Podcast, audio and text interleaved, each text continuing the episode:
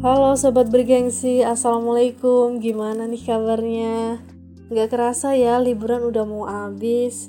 Kalau dipikir-pikir semuanya kayak cepet banget gitu ya. Dunia dan perkembangannya juga gak ketinggalan nih cepetnya.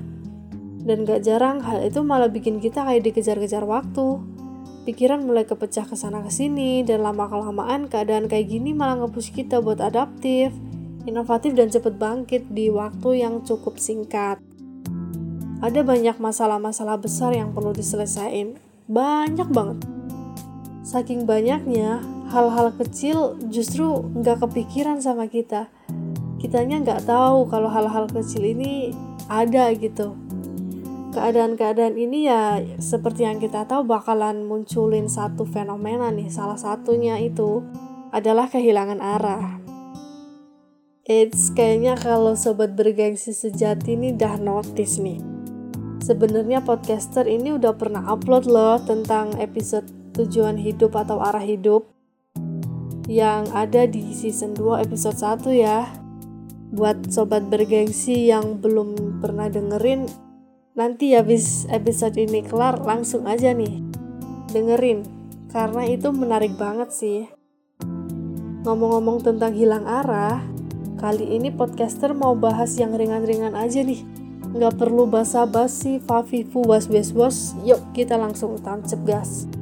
Yang nggak lain dan nggak bukan kita mau bahas tentang salah satu surat yang cukup terkenal yaitu surat al-fatihah. Ya bener banget. Surat yang selalu kita baca di setiap sholat. Sobat-sobat semuanya nih udah tahu belum sih kandungan dari al-fatihah? Nah podcaster ini mau bahas secuil atau sedikit gitu ya, sedikit makna dari Al-Fatihah. Karena kalau dibahas semuanya ini cukup luas gitu ya, jangkauannya tuh luas banget. Jadi kalau misal dibahas mungkin waktunya nggak cukup gitu. Buat sobat-sobatku pastinya udah tahu dong di Al-Quran ini ada surat yang namanya Al-Hijr. Di surat Al-Hijr ayat 87 Allah ternyata udah bikin kita buat notis loh tentang surat Al-Fatihah yang potongan terjemahannya tuh gini. Dan sesungguhnya kami telah berikan kepadamu tujuh ayat yang dibaca berulang-ulang dan Al-Quran yang agung.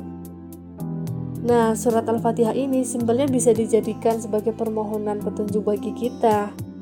Dari salah satu terjemahannya yang berbunyi gini, Tunjukilah kami jalan yang lurus. Nih, podcaster ulang lagi ya tunjukilah kami jalan yang lurus. Karena ya balik lagi, tanpa jalan atau arah yang jelas, kita bakalan tersesat dan gak tahu harus ngapain. Ibaratnya gini, ketika kamu mau nulis deh, udah nyiapin alatnya, kamu udah ada buku, udah ada pulpen, pensil, penghapus, dan semua yang diperluin.